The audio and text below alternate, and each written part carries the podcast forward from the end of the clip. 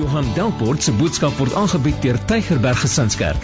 Vir meer inligting, besoek gerus gesinskerk.co.za of skakel gerus die kerkkantoor by 021 975 7566.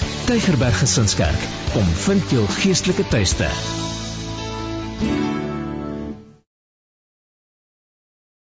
Goeiemôre. Waar's daai ou wat my laasweek vasgeparkeer het? Kom jy paintball toe? Ek sal jou R30 betaal. Waar's Waar's Charles? Nee, kom aan. Goeiemôre. Dit is my voorreg om vanoggend die woord van die Here te bring. Rian het dit baie sterk terugvoer hierso. Daar's hy bietjie beter. Ons is natuurlik besig met die boek Rigters. Ons kyk in hierdie reeks, dis 'n mini reeks. Ons kyk na drie rigters se lewens en ons kyk na lesse wat ons uit die rigters se lewens kan neem wat ons kan toepas op ons eie. Daar is in die boek Rigters is daar 13 rigters wat ons teekom. Dit was leiers gewees wat die Here aan Israel gegee het op spesifieke tye vir spesifieke doeleindes. Hulle was nie konings nie. Hulle was net leiers en daar was tye gewees waar daar meer as een rigter op 'n slag in Israel doenig was. Maar daar was 15 rigters van Israel. 13 sien ons in die boek. En die laaste 2 ontmoet ons eers in 1 Samuel en hulle was die twee priesters Eli en Samuel. Jy onthou vir Eli? Eli wat nie sy seuns kon dissiplineer nie toe die Here hom agteroor laat val en hy het sy nek gebreek en die laaste rigter was 'n man met die naam Samuel. Samuel was profeet. Hy was 'n priester en Samuel was die laaste rigter van Israel. Julle geweet hy was een van die rigters. Ons gaan vanoggend 'n les uit Samuel se lewe toepas op ons eie. Kom ons bid. Kom ons bid. Here Jesus, ons dankie vir u genade. Ons dankie Here dat ons u woord kan bestudeer vrylik. En ons dankie Here dat ons kan weet dat u Gees hierdie woord in ons harte lewend maak. Ons vra Here dat u hierdie woord sal gebruik om ons te vorm soos klei. U is die pottebakker, Here. Vorm ons soos U wil. Ons wil heilig wees, Here. Ons wil meer soos U wees. Vorm ons. U gemeente luister. Amen. Amen. Bietjie agtergrond vinnig as ek mag, net vir die wat dalk die eerste boodskap gemis het, laat ons net almal op dieselfde bladsy is en dit sal ook as 'n fondasie dien vir vanoggend se boodskap. Israel verlaat Egipte onder leiding van Moses, né? Nee? En hulle trek uit Egipte uit deur 'n gedeelte van die wêreld wat seker vandag noordelike Saudi-Arabië sou wees. En hier in hierdie gedeelte van noordelike Saudi-Arabië word Israel aangeval. Somme vroeg vroeg in hulle trek ook. En hulle word aangeval deur 'n strydlustige stam genaamd die Amalekiete. Maar nie net val die Amalekiete vir Israel aan nie, hulle val Israel aan van agteraf. Nou kan jy maar dink as daar so 'n enorme groep mense deur die woestyn trek, wie gaan agter wees? Die swakkes, die moes, miskien die siek mense, die kinders, miskien hulle die kinderkraans heel agter gehou. Mense met fisiese gebreke. Dis die mense wat heel agter was. En dit is waar die Amalekiete vir Israel aanval want dis hulle swak plek. Lafhartige aanval, nê. Nee. Die Amalekiete val vir Israel aan. Nie net val hulle aan van agteraf nie, maar die Amalekiete is die afstammelinge van Esau. Hulle is familie. Israel word aangeval deur hulle verlangse neefies en niggies. Die Amalekiete haat vir God, die Amalekiete haat vir Israel. En hulle is vasberade om Israel uit te roei. Maar die Here help vir Israel. Die Here dra hulle. En Israel oorleef die aanval. En die Here sê vir Israel: Israel, jy mag nooit vergeet wat die Amalekiete vandag hier aan jou gedoen het nie. En dit word 'n wet, dis in die Torah, dis 'n wet. Tot vandag toe, jy kan na enige Jood toe gaan en hom vra wat is 'n Amalekiet en dan gaan hy vir jou die hele storie vertel want hy mag nie vergeet nie. Hulle moes onthou wat die Amalekiete gedoen het. En die Here sê verder, maar daar gaan 'n dag kom wat ek vir jou die geleentheid gaan gee. En wanneer daardie dag kom, dan moet jy die Amalekiete uitwis. Al die Amalekiete moet uitgewis word. Elke man, vrou, kind, hond, hoender en hamster moet dood. niks van die Amalekiete mag oorbly nie. Jy moet hulle tref. Ek dink die ou vertaling sê met die banvloed, né? Nee? Maar daardie dag is nie vandag nie. Israel, onthou. Dis 'n wet word opgeskryf in die wetboek. Israel trek daarvan af verder en 40 jaar later gaan hulle die beloofde land in onder leiding van Joshua, né? Nee? Goed, hier's Israel, hulle kom die beloofde land in, prys die Here vir die beloofde land en toe is die beloofde land nie leeg nie. Hy's vol Moabiete en Ammoniete en allerlei ite en geite, nê? Nee. En Israel moet beklei tot in die middel van die land toe. Wat hulle doen? Hulle beklei tot in die middel van die land toe en hulle vestig hulle self bo in die berge want dis waar dit veilig is. Israel was bergbewoners.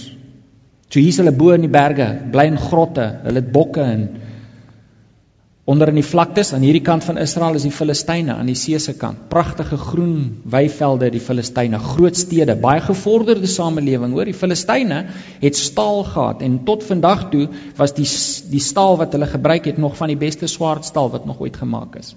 Baie gevorderde samelewing. Aan die ooste van Israel is die Ammoniete en die en die Moabiete, hulle is aan daardie kant. Aan die suide van Israel is die Edomiete, die Amalekiete. Israel is omsingel deur hulle vyande. Ek dink hulle het gedink hulle gaan 'n leë land instap want die Here beloof dit dan aan ons.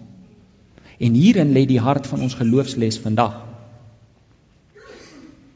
Ons kan 'n vergelyking trek tussen ons en Israel. Ons kan 'n vergelyking trek tussen ons en Israel. Nes Israel Israel verlos is uit slawerny in Egipte, net so is ons verlos uit die slawerny van sonde. Paulus praat van die slawerny van sonde. Nes Israel deur die Jordaanrivier gegaan het om die beloofde land in te gaan, net so is die doop se water simbolies van ons nuwe lewe in Christus. Israel is 'n land van melk en honing beloof deur die Here. Ons word 'n nuwe lewe beloof, 'n lewe van vreugde en vrede. Maar nes Israel moes beklei vir elke vierkante voet grondgebied wat hulle geneem het in daardie land, net so moet ons beklei. Israel het vyande gehad in daardie land, daardie nuwe pragtige land. Hulle vyande was Amalekiete, Moabiete en Edomiete. Ons het vyande in hierdie pragtige nuwe lewe van ons. Wat is ons vyande? Die duiwel, die sondes in ons lewe. En nes Israel beklei het, so moet ons beklei. Net omdat die Here iets aan Israel beloof het, beteken nie dit sou maklik kom nie. Net so beloof die Here vreugde en vrede aan ons, maar weet julle wat? Ons het vyande wat ons vreugde en vrede probeer steel. Ons het sondes in ons lewe wat daai vreugde en vrede steel. Ons het 'n listige vyand wat ons wil beroof van dit wat die Here vir ons het. En vanoggend wil ons kyk na hierdie stryd wat ons moet voer om ons beloofde land, 'n land van melk en honing, vreugde en vrede te maak. Nou ja, Israel is hier in die berge en die Here gee vir hulle rigters om hulle te lei. En vir 350 jaar ongeveer word Israel gelei deur die rigters Gideon, Samson, ons het hulle ontmoet, nê? Nee? En teen die tyd van die laaste rigter Dis nou 400 jaar na die Amalekiete Israel aangeval het. Kom die volk Israel en sê vir Samuel: "Samuel, ons is moeg daarvoor om bergies te wees. Ons bly hier in grotte, ons bly in tente, ons moet hier vanaf trek soontoe met ons vee want dan reën dit daar nie hier nie en ons, ons is moeg hiervoor. Ons wil 'n land wees. Ons wil 'n volk verenig wees. Ons wil nie 12 stamme meer wees nie, ons wil een volk wees maar ons wil 'n volk wees soos die Filistyne. Kyk, as jy kyk na Samson se lewe, kyk na Johan se boodskap van laasweek. Hoorie, die Israeliete wou so graag Filistyne wees baie keer, nê. Nee. En Israel kom en sê ons wil soos hulle wees. Ons wil stede soos hulle hê. Ons wil 'n koning soos hulle hê. Ons wil 'n vlag en 'n volkslied en 'n weermag hê. En Samuel waarsku hulle, maar die Here gee toe. Die Here sê, "Oké, okay, Samuel, gaan salf vir Israel 'n koning. En vir die eerste keer in Israel se geskiedenis is hulle nou 'n verenigde volk onder een leier. Blaai asseblief saam met my na 1 Samuel hoofstuk 15. OK, so ons almal op dieselfde bladsy, ons weet nou waar Israel is. Hulle is bo in die berge. Hulle wil 'n koning hê en Samuel gaan om die koning te salf. 1 Samuel 15, ons lees van vers 1. Samuel het vir Saul gesê: Dit is vir my wat die Here gestuur het om jou tot koning oor sy volk Israel te salf. Luister nou na die woorde van die Here. So het die Here die Almagtige gesê: Ek het nie vergeet wat Amalek Israel aangedoen het nie, hoe hy Israel teengestaan het toe hulle uit Egipte getrek het. Gaan verslaan nou vir Amalek. Jy moet alles wat hy het om die lewe bring. Jy mag jou oor hom nie ontferm nie. Jy moet man en vrou doodmaak, kind en suigling, bees en skaap, kameel en donkie. Die Here sê vir Saul, Saul, 400 jaar het die volk onthou. Ek het ook onthou. Nou gaan ek die profesie vervul deur jou. Nie 'n wonderlike voorreg wat hy het om die vervulling te wees van skrif nie. Vers 4: Saul het die manskappe opgeroep. Hy het hulle by Telaim getel, 200 afdelings voetsoldate en 10 afdelings uit Juda. Saul het by die woonplek van die Amalekiete aangekom en sy manskappe laat stelling inneem by 'n spruit. Toe het Saul die Keniete laat weet: "Gee gou pad tussen die Amalekiete uit sodat ek julle nie saam met hulle uit die weg ry nie, want julle die Israeliete goed behandel toe hulle uit Egipte getrek het." Die Keniete het toe tussen die Amalekiete uit pad gegee. Saul het daarna die Amalekiete verslaan van Gewila af tot waar 'n mens kom by Sir teenoor Egipte. So far so good, né? Nee? Vers 8. Hy het koning Agag van Amalek lewend gevang, maar die hele volk om die lewe gebring. Saul en die manskappe het Agag gespaar en ook die mooiste kleinvee en beeste, die vetsters en die lammers en alles wat mooi was. Saul hulle wou dit alles nie om die lewe bring nie. Al die vee wat swak en waardeloos was, het hulle wel van kant gemaak. Toe die woord van die Here tot Samuel gekom. Ek is bedroef daaroor dat ek Saul koning gemaak het, want hy het van my af weggedraai en nie my opdragte uitgevoer nie. Samuel was ontstel en hy die Here die hele nag om uitkoms gesmeek. Die oggend het Samuel hom vroeg klaar gemaak om Saul te ontmoet. Iemand het vir Samuel vertel, Saul het by Karmel gekom en nogal vir homself 'n gedenkteken opgerig. Daarna het hy omgedraai en is hy verby na Gilgal toe. Samuel het toe by Saul gekom en Saul het vir hom gesê: "Mag die Here u seën. Ek het die opdrag van die Here uitgevoer." Samuel vra toe: "Wat vir 'n geblær van kleinvee is daar dan in my ore en wat van die gebulk van beeste wat ek hoor?" Het Saul gedoen wat die Here hom gevra het. Wel, soort van. Kom ons wees eerlik. Ek meen hy het gegaan, hy kon gebly het. Hy kon by die huis gebly het en gesê het, hoorie, dis nie my ministerie nie. Kan? Maar hy het gegaan. En hy het meeste gedoen van wat die Here vir hom gevra het. Ek meen dit sê dat hy het die volk uitgewis en al die lelike skape en die ou beeste en die, jy weet, een tand oeye, maar die mooi goed het hy gehou en hy het een Amalekiet aan die lewe gehou. Dit maak nie saak dat hy die koning was nie. Die punt is alles moes sterf, né? Hy het net een Amalekiet aan die lewe gehou en Samuel kom en hy konfronteer hom met hierdie sonde. Hy sê vir hom: "Saul, wat sien en hoor ek hier? Wat 'n sonde is hierdie?" Nou ons moet as ons na ons vergelyking kyk, moet ons sien dat Samuel die gewete was van Saul in hierdie op op uh uh in hierdie opsig. Die profete was die gewete van die volk. Die volk sou wegdraai van God af, dan stuur God rigters of hy stuur profete om hulle weer terug te draai, né? Nee? Nou so moet ons kyk na Samuel. Samuel is die gewete wat na Saul toe kom en vir hom aankla oor sy sonde. Wat se sonde sien en hoor ek, sê Samuel. Kom ons kyk wat is Saul se reaksie. Vers 15. Hulle het dit van die Amalekiete afgebring, antwoord Saul. Dit is die goed wat deur die manskappe gespaar is, die mooiste kleinvee en grootvee om aan die Here u God te offer. Die res het ons van kant gemaak. Twee dinge doen Saul hierso. Die eerste ding wat hy doen is hy blameer iemand anders vir sy sonde. Wie sien ons in die Bybel wat dit ook gedoen het? Adam. Adam, nee, dis ekie. Dis die vrou. Dis die vrou wat u my gegee het. Hy blameer sommer die vrou en die Here dieselfde tyd vir sy sonde, né? Nee? Ek wonder baie keer of ons nie ook geneig is om die Here te blameer vir ons sonde nie. Kyk waar is ek? Kyk in watter posisie plaas die Here my? Ek het nie 'n keuse nie. Adam blameer iemand anders. Saul blameer iemand anders. Dis hulle. Dis hulle.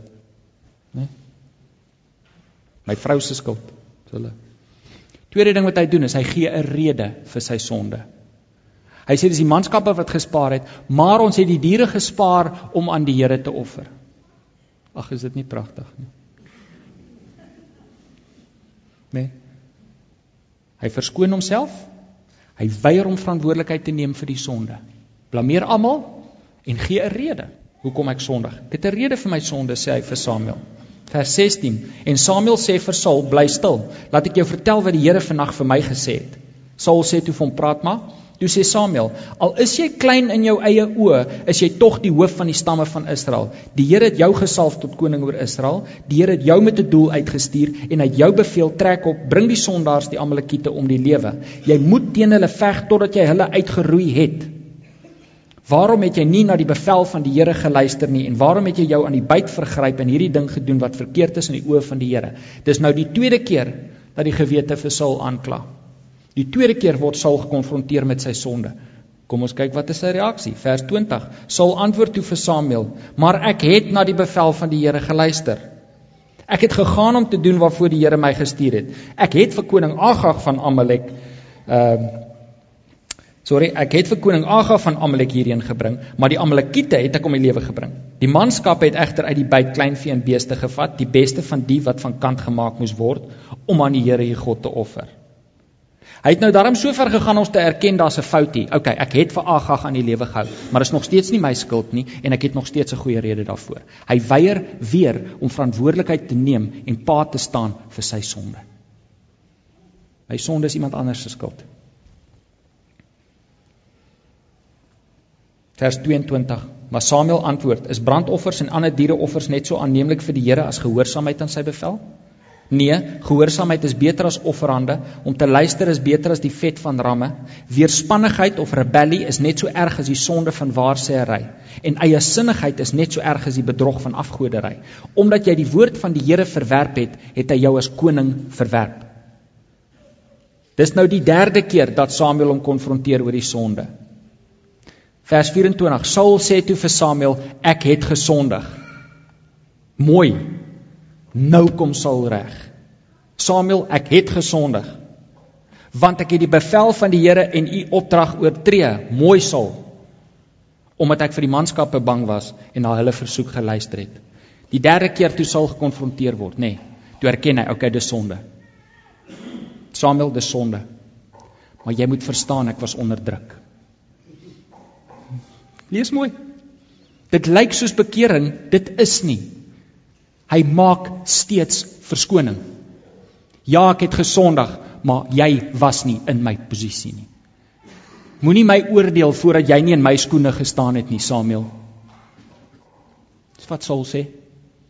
Ek het dit gedoen omdat ek bang was. As ons ooit ons kan nie in dieselfde stem sê ek is jammer, maar ek het 'n rede nie. Dis nie bekering nie en dit is presies wat Saul doen hierso. Vers 24. Saul sê toe vir Samuel, ek het gesondig. Vers 25: Vergewe tog nou my sonde en kom saam met my sodat ek tot die Here kan bid. Maar Samuel sê vir Saul: Ek sal nie saam met jou gaan nie, want jy het die woord van die Here verwerp en die Here het jou verwerp as koning oor Israel. Samuel het geweier om Saul se verskonings te aanvaar. Hy het geweier om saam met hom te gaan bid want hy het gesien Saul bekeer nie werklik van sy sonde nie. Hy het erken hy het sonde, maar in dieselfde asem gee hy rede daarvoor. Dis nie bekering nie. As ek ooit sê ja, ek is jammer, ja, dis verkeerd, maar ek het 'n rede. Maar jy's nie in my posisie nie. Dan doen ons wat Saul doen. En Samuel het dit nie aanvaar as 'n werklike bekering nie. Saul is verwerp deur die Here as koning hier, nê? Nee? Samuel het gesê omdat jy die woord van die Here verwerp het, het hy jou verwerp as koning. En ek is Ek is geleer dat Saul sy koningskap verloor het omdat hy nie al die Amalekiete uitgewis het nie. Ek glo nie dis waar nie. Daar's baie konings van Israel wat gesondig het. Hulle het nie hulle koningskappe verloor nie. Dawid het gesondig met Batsheba. Hy het nie sy koningskap verloor nie. Hoekom het Saul sy koningskap verloor? Wat se woord het hy verwerp? Saul het die aantuigingswoord van Samuel verwerp. Saul het geweier om verantwoordelikheid te neem vir sy sonde en die Here het hom verwyder daaroor. Ons as Christene, as ons kyk na ons analogie, na die vergelyking tussen ons en Israel, dan sien ons dat ons so Saul nie een sonde aan die lewe kan los nie. Ons kan nie een sonde in ons lewe vertroetel en koester nie. Ons kan nie voor die Here staan en sê Here, ek bekeer van alles behalwe hierdie een dingetjie.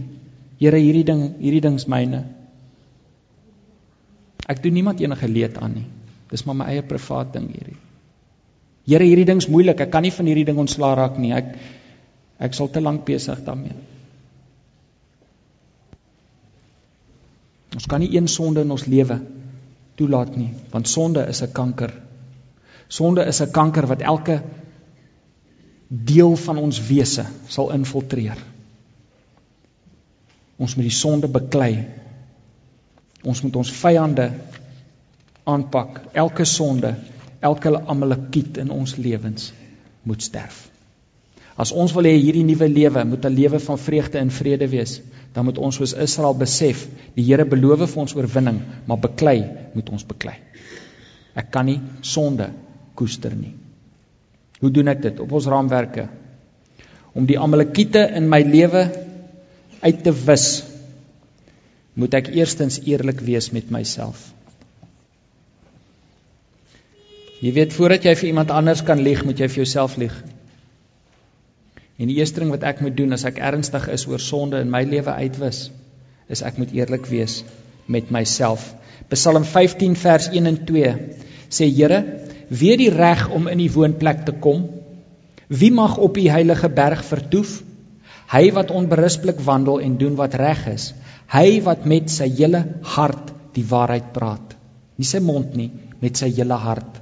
Die Hebreëus daar kan ook letterlik vertaal word: hy wat met sy hele hart die waarheid erken.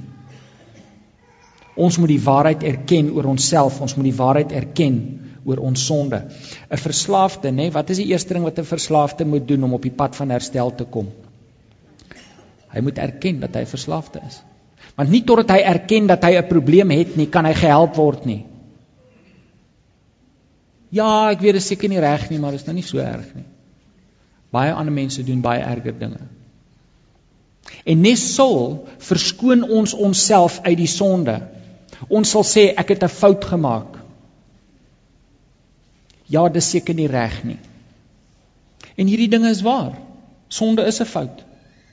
Maar ons moet op die punt kan kom waar ons voor onsself in die spieël kan staan en sê hierdie ding is sonde. Noem dit wat dit is en aanvaar verantwoordelikheid. Dit is nie jou ma se skuld nie, dis nie jou vrou se skuld nie, dit is nie Jacob Zuma se skuld nie, dit is my sonde. En ek moet verantwoordelikheid neem vir my sonde want ek kan nie voor die troon van God staan en sê dit was sy nie.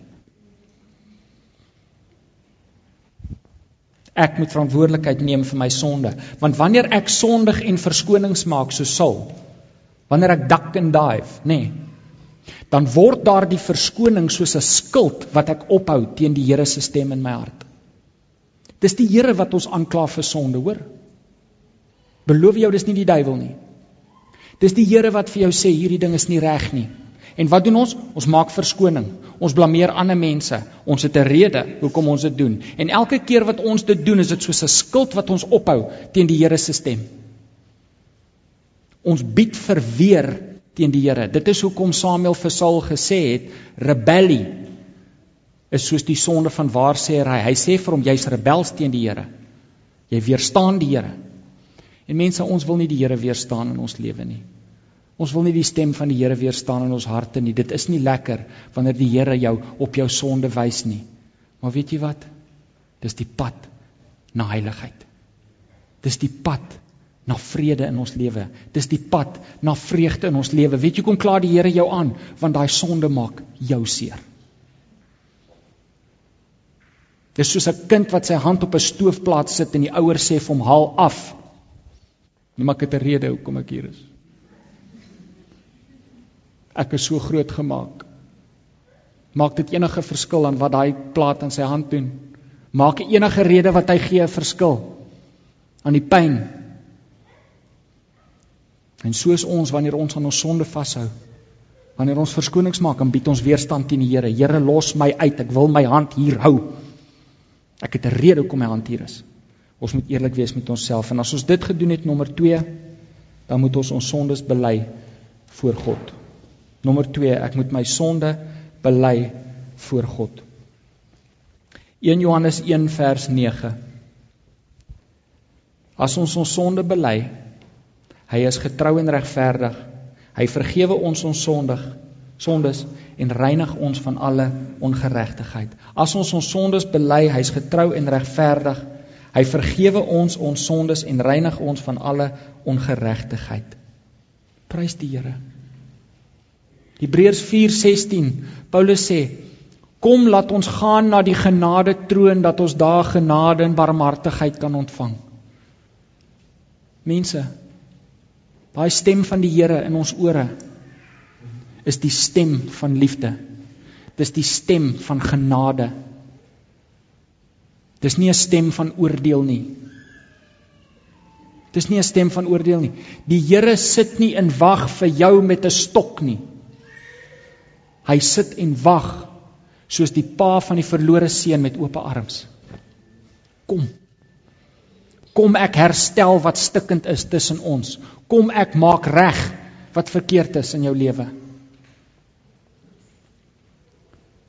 Hy sê daarso God is getrou en regverdig. Hy vergewe ons ons sondes en reinig ons van alle ongeregtigheid. Wat beteken dit? Dit beteken die Here vergewe jou nie net ja, ek vergewe jou jou dief nê? Nee. Dis hoe ons baie keer vergewe, nê? Nee. Ek vergewe jou jou aap. Nê? Nee. nee, dit beteken die Here vergewe ons en dan maak hy reg wat verkeerd is tussen ons en hom. Hy reinig ons van ongeregtigheid. sien wanneer ons sondig en ons maak verskoning en blameer ander mense en ons dak en daai so sul, nê? Nee, wanneer ons so sondig, dan bou ons 'n muur tussen ons en God. Hoor nou mooi asseblief.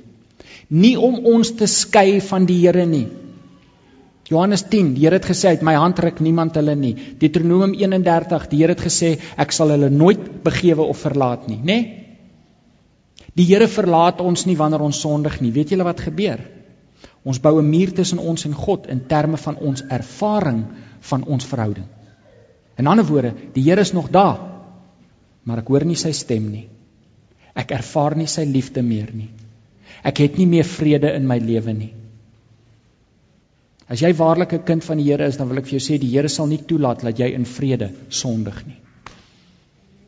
As jy vrede in jou lewe wil hê, hou op.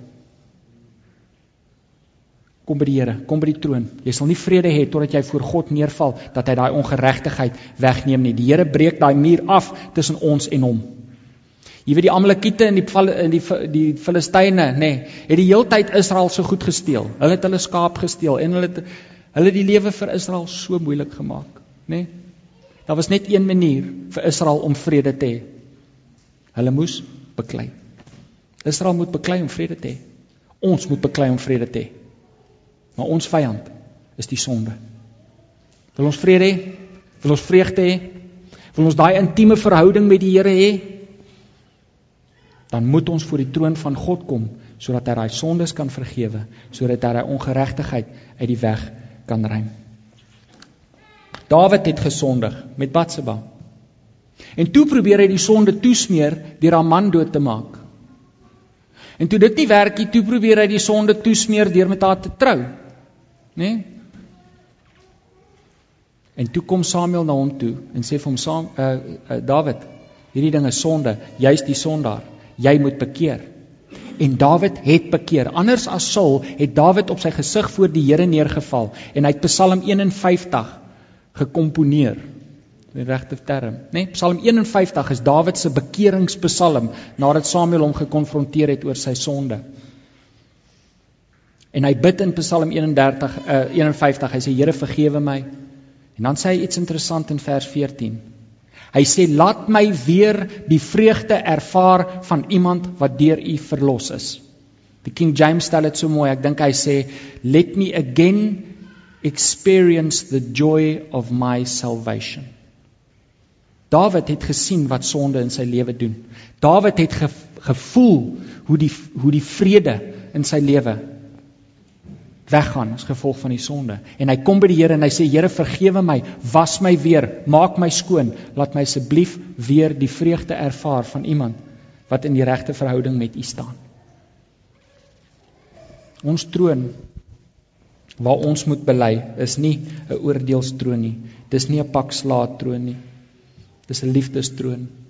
Dis 'n genade troon. Hebreërs 4:16.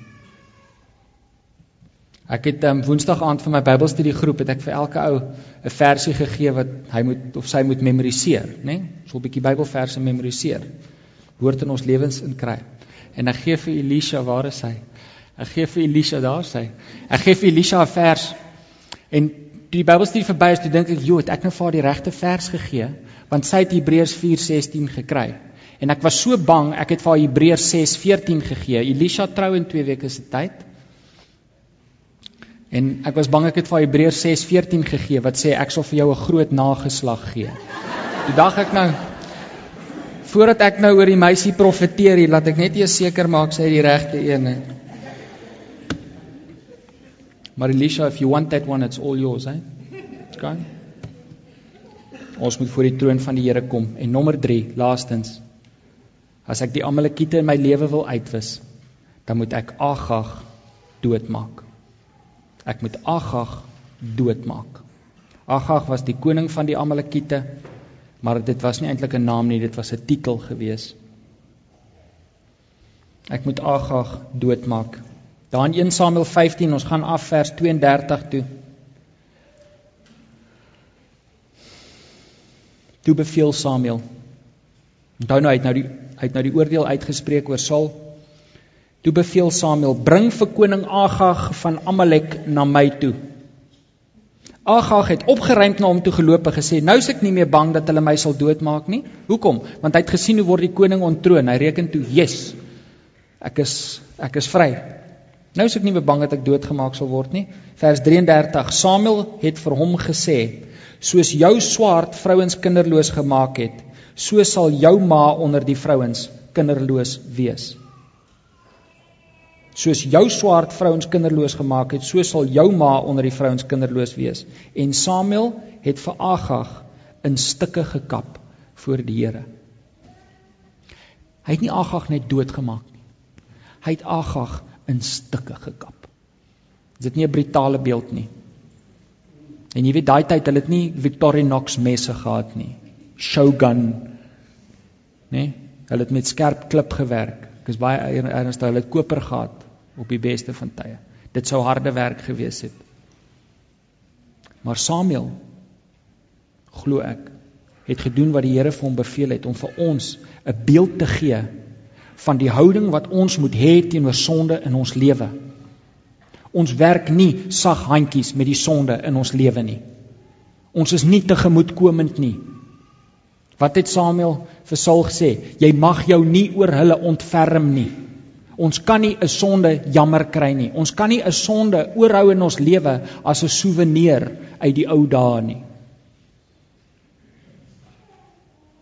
Ons mag nie soos Israel hinker terug na die vleispotte toe van die sonde nie. Ons moet Agag doodmaak.